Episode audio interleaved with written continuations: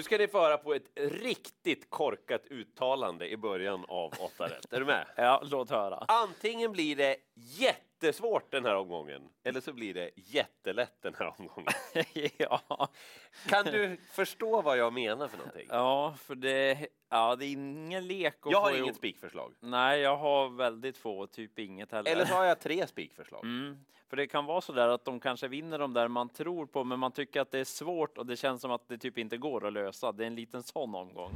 Förlåt, men, men vi kommer att förklara avdelning för avdelning den här gången hur vi resonerar. Vi ska börja nere på Jägersro med V86 den här gången. Det är ett lopp över 3000 meter där en av Sveriges starkare hästar kommer ut och gör årsdebut, Ferrari Sisi. Ni vet, han som var så nära att vinna Svenskt travderby, Mark Elias, han trivs ju jättebra med den här hästen. Ferrari Sisu är en grön favorit. Han har gått 1.13,5 2000 meter i ett arbete inför den här starten. Man är jättenöjda med hästen. Men Men han ska gå med sin vanliga vagn, skor runt om, öppet huvudlag. Han är inte snabb från start. Ja, distansen är bra och så vidare, men han möter ju hästar i form. mm, mm, ja, jag förstår. Så spikar man Ferrari Sisu, ja, man kanske ska göra det.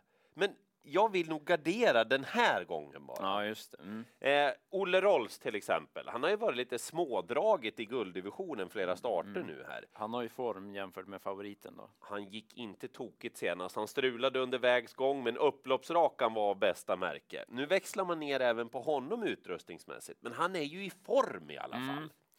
Och så jätterysaren, 8 Once for all face. Han har tävlat duktigt i Frankrike under vintern. Nu kom han tillbaka senast i Paralympiatravsuttagningen. Han såg morsk ut över långsidan när det blev stopp framför. Ja, men det såg lite konstigt ut galoppen, men intrycket var väldigt bra i övrigt.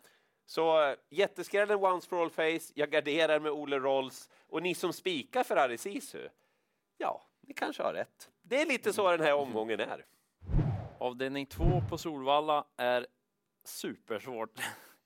Jag kan säga vad Spante sa i bilen på väg in. Det är helt omöjligt. Jag är inte säker om jag ens tar alla hästar. nej, det känns så faktiskt. Pastorns Lady är favorit. Hon hakade på bra bakom eh, van Gogh ZS senast. Eh, knapp spetsfavorit, men det är många snabba. Det kommer kosta att komma till ledningen och kommer hon inte till ledningen, då är hon väldigt sårbar. Så att nej, röd favorit. Egentligen spelar nästan ingen roll vem som hade varit favorit. Nej, nej, Jag hade nej, nog nej. satt rött ändå. Mest spännande är åtta Hanky Panky Payton som gör årsdebut. Hon började med sju raka segrar, Mm. men det gick lite ja, grus i maskineriet sen för henne. Intressant nu när hon kommer tillbaka. Det är bra rapporter, men hon har fått spår åtta hon. Mm. Ingen lek det. Och sen då sju Shantis Delicious. Även där är det årsdebut. Men bra häst, snabb på speed. Hon visade i fjol när hon vann bland annat då på Solvalla att hon är väldigt kvick. Och skulle hon hitta ner bakom de här som Mm, hade startsnabbast, då kanske det är hon som löser det. Men jag kommer ha med en till som jag pratat om flera gånger här. Ser nu, Digital Class, alltid ditt program där Mattias Spante är med. Ja, det har blivit så. Men hon såg fin ut igen senast som fastlåst. Det var ju i bra hästar de mötte Mm, på i klass 1 och i STL. Och ja, intrycket var bra. Och med flera startsnabba så kan hon komma där längst ut i banan. Men många i avdelning 2. Så om jag tar alla i det här loppet, Ja, då sitter du safe. ja men jag behöver inte skämmas då? Nej, det här är svåraste loppet, helt klart. V86.3 och grön favorit i Virgin Maiden. Jag pratade länge med Mark Elias om Virgin Maiden och man vet ju varför hon presterar ojämnt eh, Virgin Maiden. Nu har man tagit till ytterligare försiktighetsåtgärder då och tror verkligen att hon kommer att leverera den här gången. Hon är startsnabb, hon är bra över de här förutsättningarna och det är inget dumt spikförslag. Men inte riktigt. liksom. Nej, jag Nej, vågar nej. ju inte lita på henne fullt ut. Mm. Men det är ju jag det. Och jag vill ha med sex Ines Alki. Näst senast Axevalla, V75, bra hästar, pang till ledningen från spår 8 i en tuff öppning. Hon höll jättebra bakom Leona Sami. Ja, det är en fin häst. Den här gången är det sagt att hon på förhand då ska tävla med en amerikansk sulky. Hon har ett bra startspår, hon är kvick från början. Alltså det är en bra häst Ines Alki. Ja, verkligen. Väldigt mycket mindre spelad än favoriten. Och så Floalt Cessna, ständigt underskattad. Barfota runt om den här gången. Och hon gjorde ett jättelopp senast. Ja, minst sagt. Utvändigt om Broad Vision och hade den hästen varit med i det här loppet då hade den varit ganska klar favorit. Mhm. Så att jag garderar Virgin Maiden, men ni som letar liksom, "Nej, jag måste ha en spik. Ja, men då är det nog Virgin Maiden. Ja. Lite så jäkligt är det den här omgången på V86.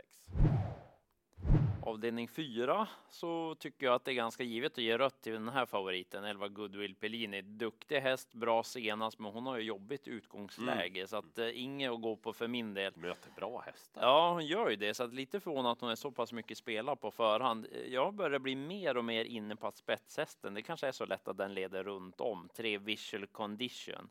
En, en ganska underskattad häst. Jag tycker att hon gick, eh, Håller he- med dig. ja, gick helt okej i skymundan senast. Hon var ju med i Margaretas tidiga unge-serie då Mm, mötte ju bland annat då Ganga Bay, Alaska Kron Oj, och sådana hästar. Men gången före så vann hon ju från ledningen och det är just ledningen jag tror att hon kommer till nu den här gången också. Jorma Kontio som vann med henne då var väldigt nöjd så att det kanske är så lätt att hon spårar runt om. Om jag behöver en spik kanske jag kommer landa på visual condition. Men Oj! det, det kan vara så faktiskt, men jag tycker att åtta Eddie West och nio Manuzio Hannover måste nämnas, för det är två som är under 10 procent när vi spelar in. Apropå Och- hästar som ofta är med i den här, i den här produktionen. ja, särskilt sistnämnde Manuzio Hannover. De mötte ju senast, då vann Eddie West, men Manuzio fick ett lopp i kroppen och Kenneth Haugstad ska troligtvis plocka av framskorna den här gången.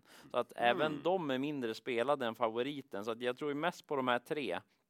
Men det är det där, hur ska man få ihop systemet? Så att jag får se hur jag gör. M- mest tror jag i alla fall på hästarna 3, 8, 9, men 3 visual condition, kanske spets och slut.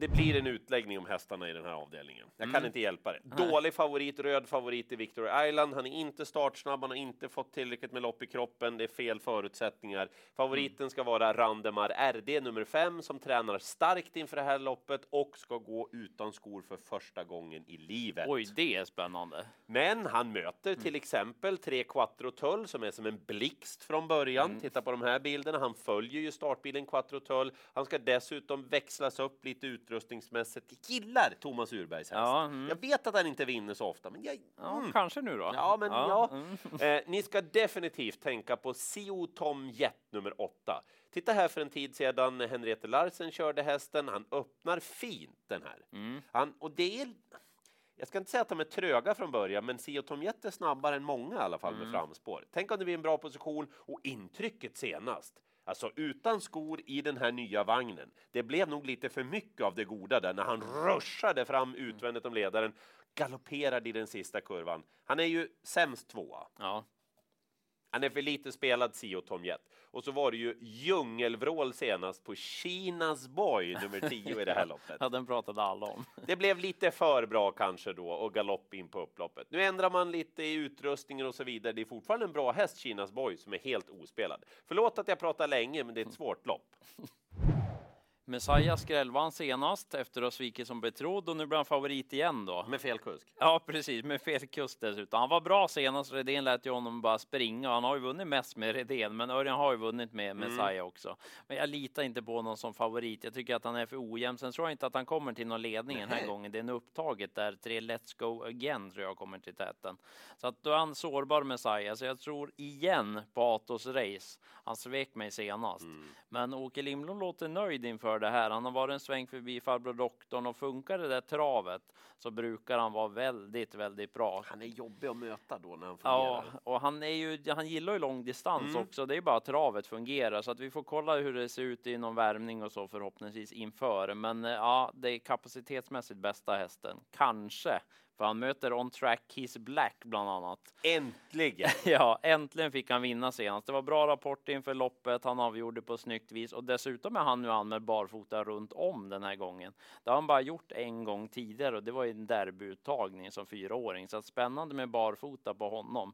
Wow. Båda dessa under 10% när vi spelar in. Så att eh, ja, fräckt lås om man är riktigt fräck. Det skulle kunna vara det faktiskt i ett öppet lopp.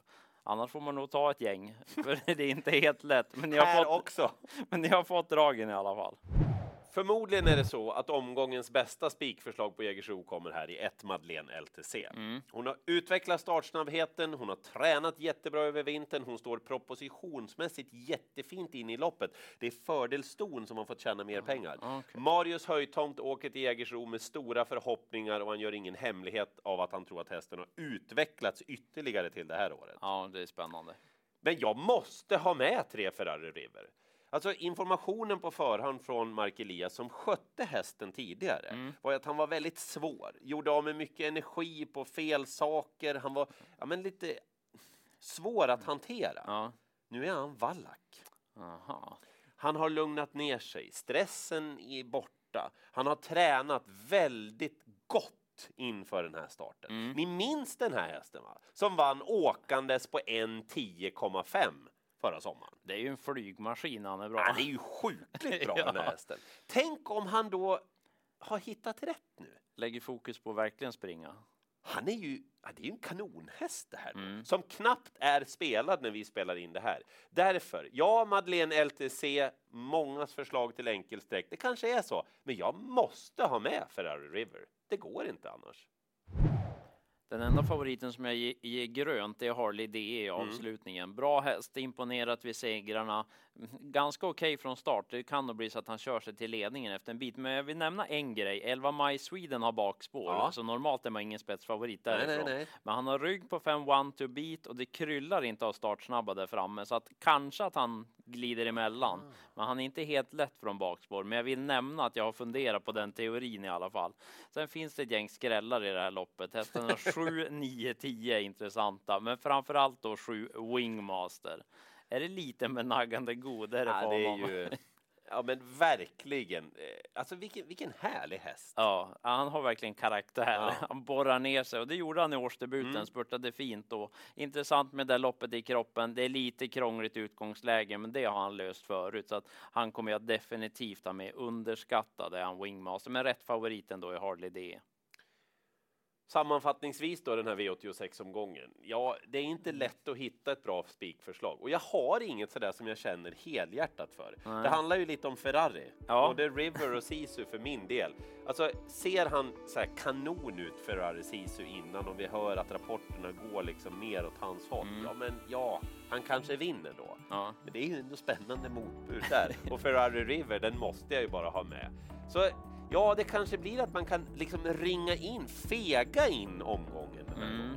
Ja, det är knepigt just det där hur man ska få till systemet. Visual condition Mm. är en sån jag skulle kunna tänka mig att gå på om det blir en bra värvning. Eller Atos Race on Track is Black Mm. om det låter bra på någon av dem. Glöm inte Wingmaster i sista.